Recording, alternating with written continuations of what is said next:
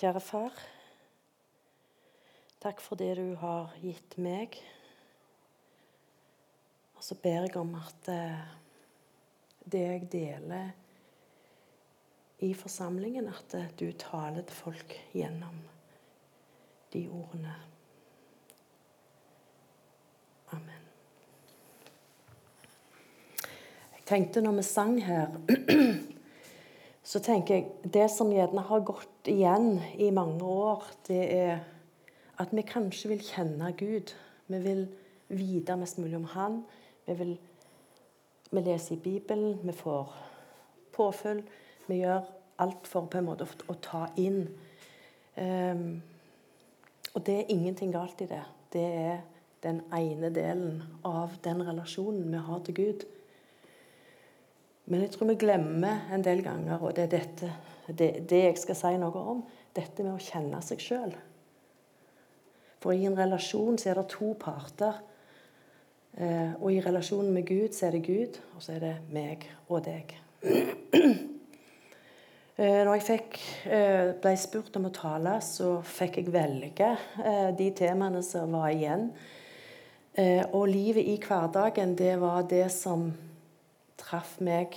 Fordi det handler på en måte om eh, hvem vi er der vi er. Eh, tru det har veldig lett for å handle om ord. Det kan handle om kunnskap, ord som gir godfølelser. Og innimellom så kan det være en virkelighetsflukt. Vi tar ikke tak i den hverdagen vi har, men vi surfer litt inn i en sfære som hever oss litt over der vi er.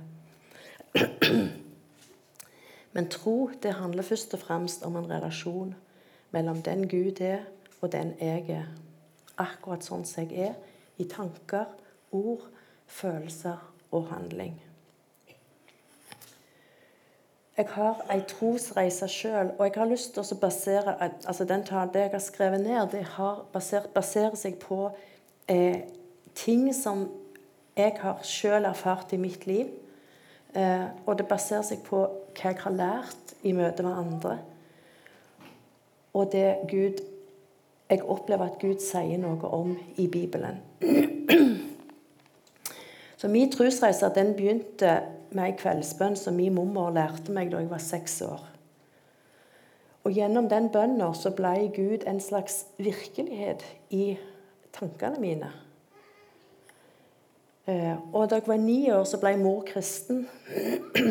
Og sammen med henne så, så jeg flere opptak av Billy Graham og andre profilerte talere i Canada, der vi bodde da. Og En gang så var jeg til stede på et av disse store møtene. Og Der satt jeg, jeg var tolv år, og jeg opplevde at Gud sa eh, 'Gå fram'. Mor har fortalt etterpå at hun opplevde bare at jeg forsvant. Og hun lurte på om jeg ville finne veien tilbake igjen etterpå, men det var nok bare at jeg ble nesten ført fram.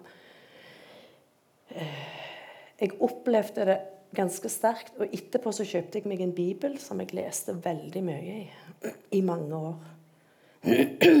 Da jeg var 13 15 år, så flytta vi tilbake til Norge og til Gandal. Og i den perioden etter vi kom her, så fortsatte jeg å oppsøke særlig bibeltimer. Eh, og jeg leste fortsatt mye og tok bibelskole litt seinere. Var det sånn at jeg da ga Jesus min hverdag? eller mitt liv i hverdagen? Egentlig ikke. Det jeg jobbet med, det var å bli kjent med en Gud som jeg ikke kjente. Jeg ville forstå mest mulig av hvem Gud er, hvem Gud var. Og jeg kjente at jeg trengte noe stabilt, noe jeg kunne stole på. Og så lurte jeg veldig på hva handler egentlig tro om? Og det er et spørsmål som egentlig har fulgt meg gjennom livet. For å kjenne Gud er ikke det samme som å gi hverdagen til Jesus. Å kjenne Gud det kan være en god hjelp, og det var det for meg. Jeg visste at jeg ikke var alene. Og med Bibelen som et lys på min sti, som det står, så får vi en retning på livet. En retning som kanskje holder oss på stien. Som For min del så kjenner jeg at det kanskje har hjulpet meg på en måte til å ikke skli vekk. Fordi at jeg, jeg kjente at det, hans ord betydde noe. Men det betyr ikke at vi slipper Gud inn i livet vårt, inn i vår hverdag. Det at vi leser, det at vi fyller oss med Ordet, det er ikke nødvendigvis det som er din hverdag.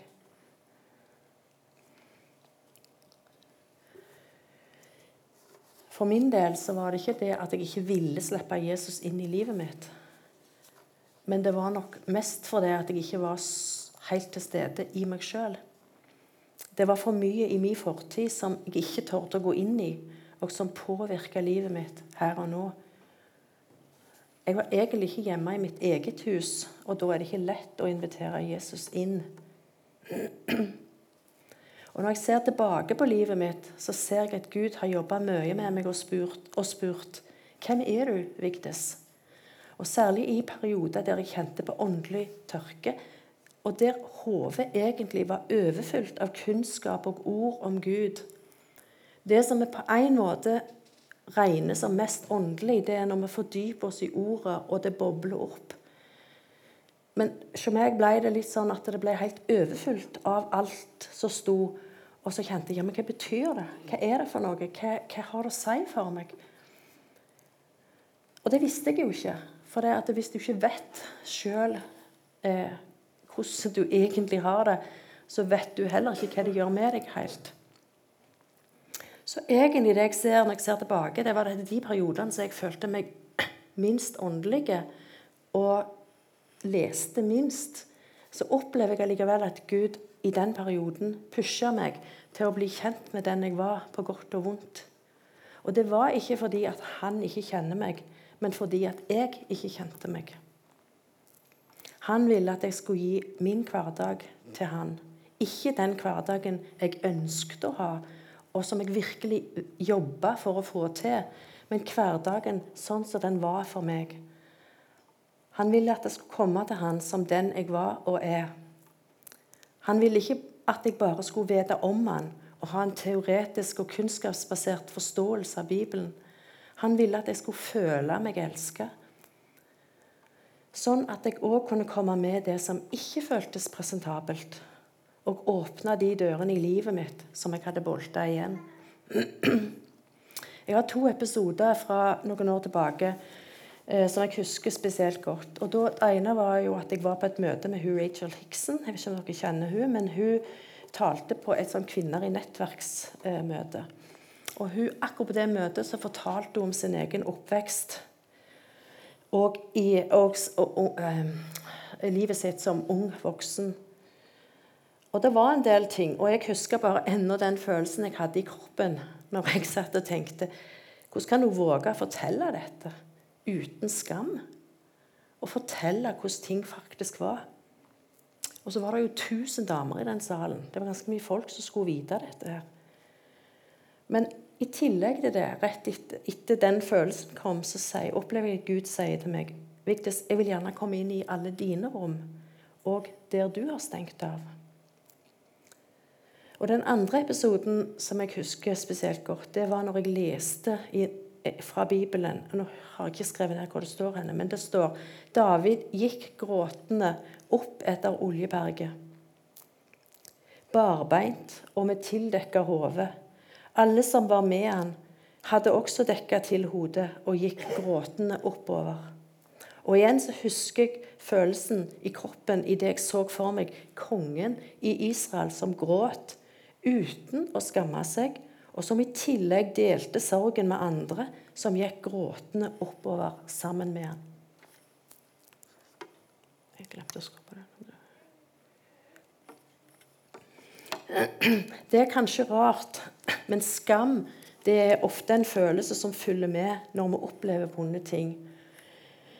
Det kan være mobbing, vold i parforholdet, relasjonsproblematikk, sykdom, smerte, barn og barnebarn vi er bekymra for, og mye mer. Og Av og til så lurer jeg på om vi skammer oss fordi eh, vi føler det vi føler. At vi opplever ting vi ikke takler, og vi føler oss svake og kanskje mislykka.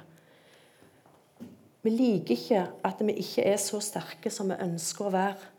Og kanskje spør vi oss sjøl hva galt har jeg gjort? Skyld, den kan vi eh, Skyld kan vi bekjenne og be om tilgivelse for, men skam den fører til at vi dekker oss til og skjuler oss. For, og det vi skammer oss over, det deler vi ikke med andre. Skam kan gjøre det vanskelig i nære relasjoner, og den gjør òg relasjonen til Gud vanskelig. Vi bor i et land der vi har hatt noen tiår med fokus på positiv tenkning, der målet er lykkefølelse. Vi har, vi har, det litt i oss, tror jeg, mange av oss, at det, hvis vi bare tenker positive tanker, så endrer ting seg. Og det gjør det på et vis. Men vi kan ikke være vår egen lykkesmed i livet kontinuerlig. Vi har òg hatt noen tiår med gode økonomiske og materielle tider. Noe som bidrar til at vi lettere kan forme vellykkede fasader. Hva er da når livet blir vanskelig? Temaet kjenner vi fra Jobbs bok. Satan sier det Gud i kapittel 1, vers 9. Det er vel ikke uten grunn at Jobb frykter Gud. Så viser Satan til alle de materielle ressursene og til den store familien til Jobb. Altså, det er ikke løyer. Jobb tror på Gud og har, et, har, det godt med Gud. Han har det jo så bra. Men i første kapittel i denne boka så mister Jobb alt han eier.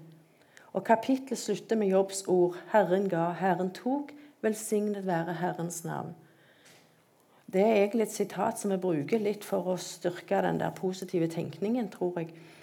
Men det står faktisk i slutten av kapittel to mens de, altså vennene til jobb, ennå var et stykke borte, fikk de øye på han.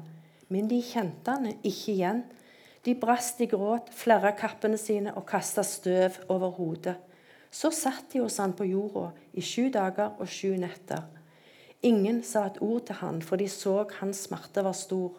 Og til slutt så åpna Jobb munnen og forbanna den dagen han ble født. Det var veldig fint av de vennene å sitte på sida av han i sju dager og sju netter. Men vi vet jo at vennene etter hvert sa ganske mye til jobb. De påførte jobb mye skam ved å feilsøke livet hans for å finne årsaken til tragedien i livet hans. Og etter hvert så anklaga Jobb Gud for å ha svikta han. Men Jobbs bok avsluttes med følgende ord fra Jobb til Gud. Jeg vet at du makter alt. Altså Dette sier jobb til Gud. Jeg vet at du makter alt. Ingenting er umulig for deg når du vil det. Jeg har talt uten å forstå det som er. Jeg vil spørre deg, så kan du lære meg. Før hadde jeg bare hørt rykter om deg. Nå har jeg sett deg med egne øyne. Eh, sist søndag så snakket Vidar Bakke om mor Teresa og sa fortellingen om den jeg er, hvordan jeg har det, og hva jeg ser, er mye større enn mitt liv. Det var noe eh, mor Therese ga uttrykk for. Og det var kanskje det Jobb òg så i avslutningssetningen sin i slutten av Jobbs bok. Jeg skal si litt om følelser. Følelser de sier noe om hva som er viktig for meg og for deg. Følelser sier noe om om eh, hva jeg og du trenger. Først når vi får kontakt med og anerkjenner følelser vi har, så kan vi sette inn fornuftige tiltak som ivaretar oss sjøl.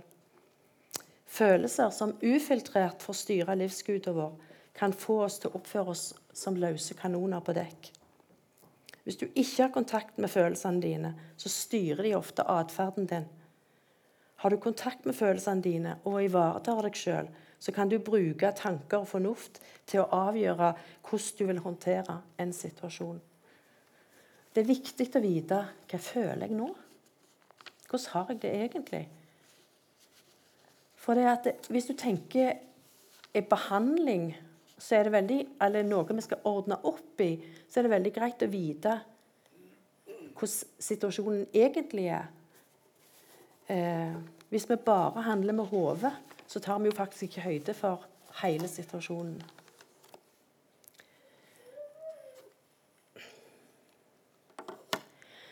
Det er ikke så lett å være til stede og nær en annen hvis du ikke er nær deg sjøl.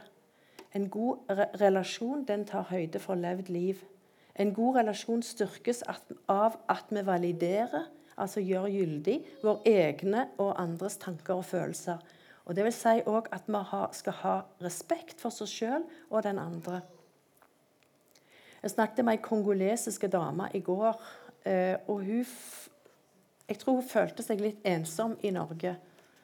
Hun sa det at eh, i landet hun kom fra, i den landsbyen hun kommer fra Hvis det skjedde ting hos folk, så samles de rundt bordet og snakket og delte og ga uttrykk for hvordan ting som var gilde, gilde og gode, og ting som var vanskelige. Og Vi ser jo mange ganger at det er kulturer som har mye, lett for, mye lettere for å vise følelser, og, og griner når de skal grine, og er sinte når de er sinte. Du kan si at noe av det er kanskje litt ukontrollert, tenker jeg, men, men vi går kanskje fort i den andre grøfta. Altså, min hverdag har handla mye om hvordan jeg kan leve. Eh, og lære å leve og ikke bare overleve eller klare ting. Og Hverdagen har handla om å bli trygge på at følelser ikke skader meg og at sårbarhet ikke er et nederlag. Og jeg opplever at Gud hele tida har gått ved siden av meg og heia på meg. Han har kalt meg til å ikke bare bli kjent med Han gjennom Bibelen, men til å bli kjent med meg sjøl og med, med den levende Gud han er. Livet er sånn som det er, sånn som jeg erfarer det i mitt liv til ulike tider. Sånn som jeg føler det. Jeg vet ikke hvordan din hverdag er. Men gjennom jobben min på jeg har en min liten jobb på samtalesenter Farmate i Sandnes, så møter jeg mennesker med så uendelig mange varianter av hverdag. I gode dager da klarer vi mye. Vi håndterer hverdagen vår, vi er takknemlige og glade for det gode. Vi lager gode rammer for oss sjøl og familien. Bolig og økonomi, familie og nettverk er på plass, og menigheten er en god plass å være. Ungene våre klarer seg godt på skolen, og seinere i livet så gifter de seg, får seg jobb, bolig og familie. Denne hverdagen kan vi gi til Gud. Vi har lov å anerkjenne følelsen glede og takknemlighet og sette pris på det gode. Men jeg vil si at glede er ikke mer åndelig enn andre følelser. I flere tilfeller har jeg møtt andres sorg. Sorg etter dødsfall av en som sto nær. Sorg over barn som aldri ble født. Sorg over relasjoner som gikk i stykker. Sorg over tap av helse. Sorg over et barn som har mista fotfestet i livet. Det å være trist og lei er vanskelige følelser. Vi vil at følelsen tristhet skal gå over fortest mulig, og at den ikke må få så mye plass i hverdagen vår. Men sorg den er ofte et resultat av rystelse i livene våre. Vi er i sjokk, og vi må gradvis ta inn over oss en ny hverdag. Vi må foreta nye prioriteringer. Hva er viktig for meg nå? For oss nå? Hva trenger jeg? Gud han har skapt oss med følelser, og sorg eller tristhet er like mye en del av livene våre som glede, selv om vi rammes på ulike måter og i ulik grad. Når tristhet blir en del av vår hverdag, så trenger vi å anerkjenne den òg. Og en del sorg den går aldri helt over. Den vil alltid kunne kjennes. Men gir du deg tid til å kjenne på den følelsen og tåle at du i en periode har lite overskudd til andre, og validere eller anerkjenne deg sjøl, så vil du etter hvert klare å ta inn mer av livet igjen. Altså gir deg sjøl tid til å gå en stykke vei. Og når vi sørger, så sier òg Jesus, 'Kom til meg, jeg vet alt'. Denne hverdagen kan du òg gi til meg. Kronisk sykdom og sykdom som gjør oss stadig sykere, er en utfordring å leve med. På samme måte så fører alder til svekkelser og mindre krefter. Vi vil oppleve at vi ikke orker det samme som før, Og vi må finne nye måter å leve på. Det er òg viktig å anerkjenne disse følelsene og livet akkurat sånn som det er. Vi skal ikke bare utholde, men lære å leve i et nytt landskap. Gjøre nye prioriteringer som passer til den nye hverdagen. Og her møter Jesus oss og sier, 'Kom, jeg går sammen med deg.' 'Jeg skal la deg vandre i ferdiglagte gjerninger og i den nye hverdagen.' 'Gi meg dine bekymringer, din sorg og din endrede framtid.' 'Jeg elsker deg.'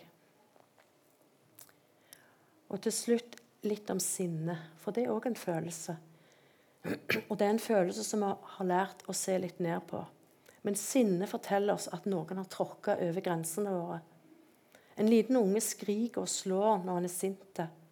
Som voksne så har vi lært å tøyle oss. Og Bibelen sier at selv om vi blir sinte, så skal vi ikke synde. Vi skal ikke slå, skjelle ut, baksnakke eller dyrke hevn. Men vi kan kjenne etter hva som gjør vondt, hvordan det gjør vondt, og hva trenger jeg. Vi kan beskytte oss sjøl og sette nødvendige grenser. Sinne er òg en del av livet, og det kan være en del av hverdagen vår. Og når vi blir såra og blir sinte, så sier Jesus, 'Gi meg din hverdag. Kom til meg med de vanskelige følelsene.'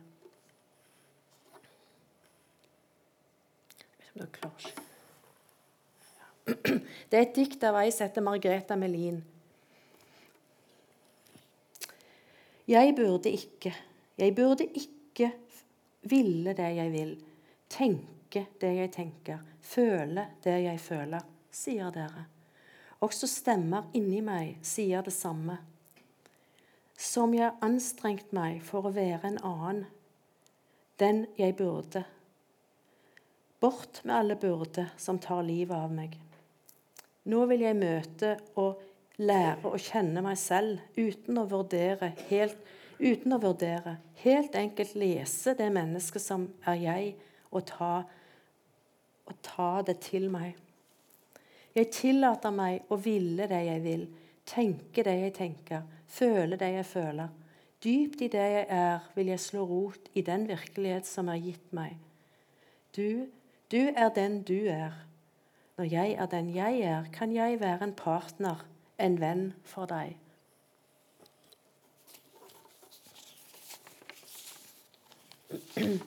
De fleste av oss bærer med oss stemmer.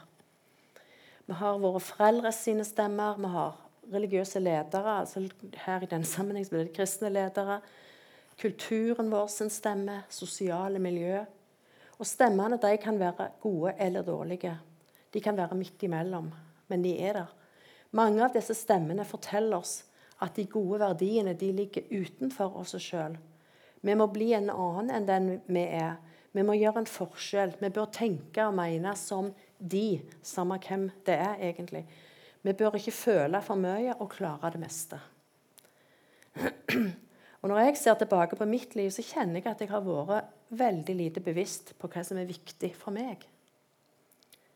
Jeg tror jeg hadde ei veldig lang liste over alt det som var viktig i livet. Eh, men ikke ikke hva som var øverst på min liste. Og hva som er viktig, det er varierer fra menneske til menneske. Så hvis du lytter mye til andre mennesker, så blir hver eneste person som du opplever som en autoritet, eh, kunne si noe til deg som gjør at du skifter retning på livet ditt. Så det å kjenne etter hva som er viktig for meg, eh, det, det, betyr ganske mye i forhold til hvordan livet ditt leves.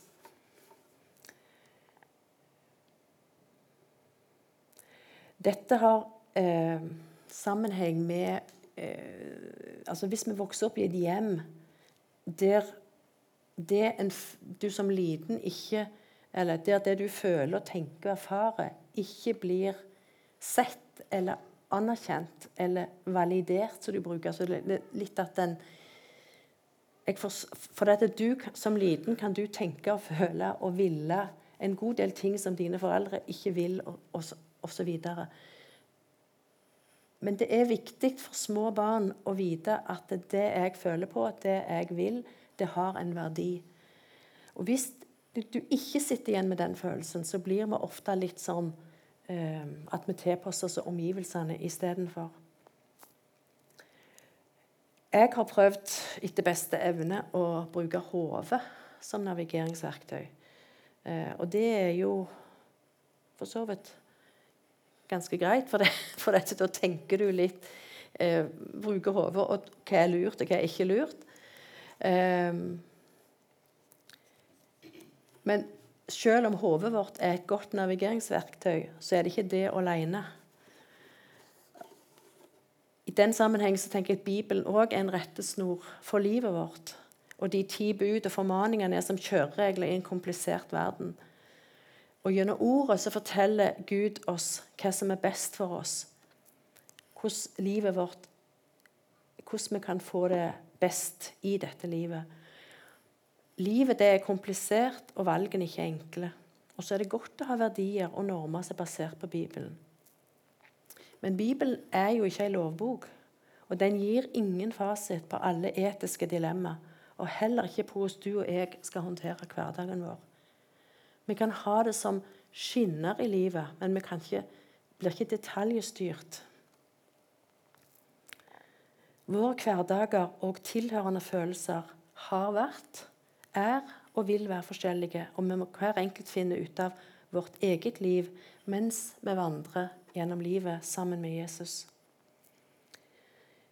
Hva som er viktig, sa jeg, kan variere gjennom livet. Men ikke på noe tidspunkt vil jeg oppleve at jeg klarer å gjøre alt det jeg syns er viktig. Så vi blir nødt til å velge. For hvis alt er like viktig for oss, så blir vi utbrente, frustrerte, og mange føler seg mislykka fordi en ikke klarer å leve opp til kravene som livet stiller. Og så tror jeg òg at av og til så kan vi gjerne tenke litt over om det vi faktisk prioriterer, er det vi sier som er viktig for oss. Jesus sier 'kom', akkurat slik det er, og slik det føles. Kan vi få lov å gi livet vårt i hverdagen til Jesus? Jeg kjenner ikke din hverdag, men det hadde vært fint å kunne dele mer av hverdagen med flere av dere. Det å bli lytta til gjør noe med den enkelte av oss. Vi kan føle oss sett og elsket når vi blir lytta til. Gud sier ikke 'du må', han sier, 'Kom som du er'. Kom til meg, alle som strever og har tungt å bære, og jeg vil gi dere hvile. Og så er det alltid noen fra tidligere i fall, så tenker jeg det er mange som er redde for at det kan bli for mye hvile. Og Jesus sier, 'Jeg er vintreet, og dere er greinene.' 'Den som blir i meg, og jeg i Han, bærer mye frukt.' 'For uten meg kan dere ingenting gjøre.'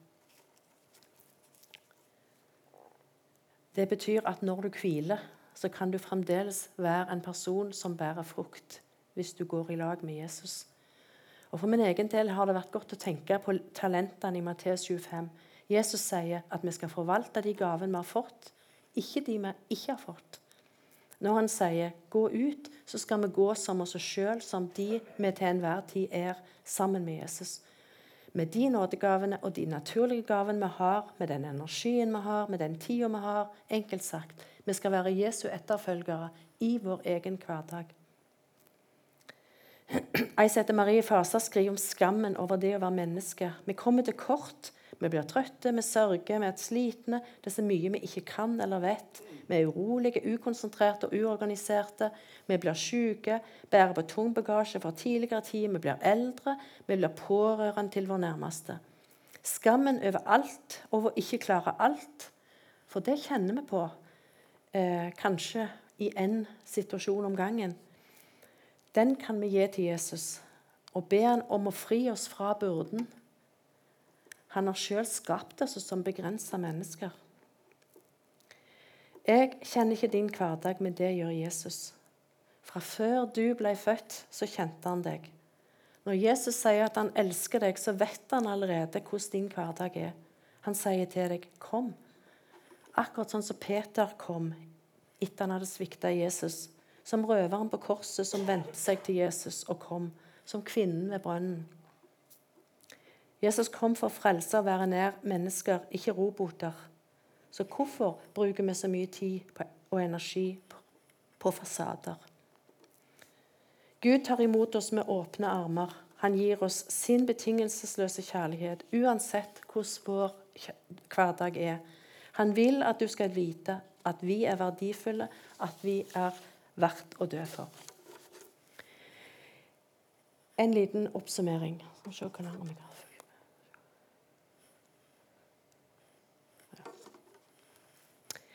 Jesus sier, 'Gi meg din hverdag'. I Bibelen står det, 'Kom til meg, jeg elsker deg'. Hva er det i vår hverdag vi skal gi til Jesus? Svaret er hele min hverdag, din hverdag. Alle følelsene dine, feilene, manglene og utilstrekkelighet. Ungene dine og ekteskapet ditt, relasjonene dine, alt som gjør deg til den du er. Jesus sier 'kom'. I nattverden så sies det 'kom, for alt er ferdig'. Kan vi tillate oss å si 'kom' til oss sjøl? Si 'kom' til våre venner og andre som Gud minner oss om å være noe for. La oss få be om å se mer av hvem Gud er, og erfare Hans kjærlighet som ser oss akkurat som vi er. Og la oss be om å få se meg selv i Guds øyne. Vi ber om at Gud får slippe inn i vår hverdag akkurat sånn som den er. Hverdagen er som den er, men vi trenger ikke å bære den alene. Å gi Jesus livet i hverdagen vil si å komme til Jesus som den du er, og ikke som den du ønsker å være.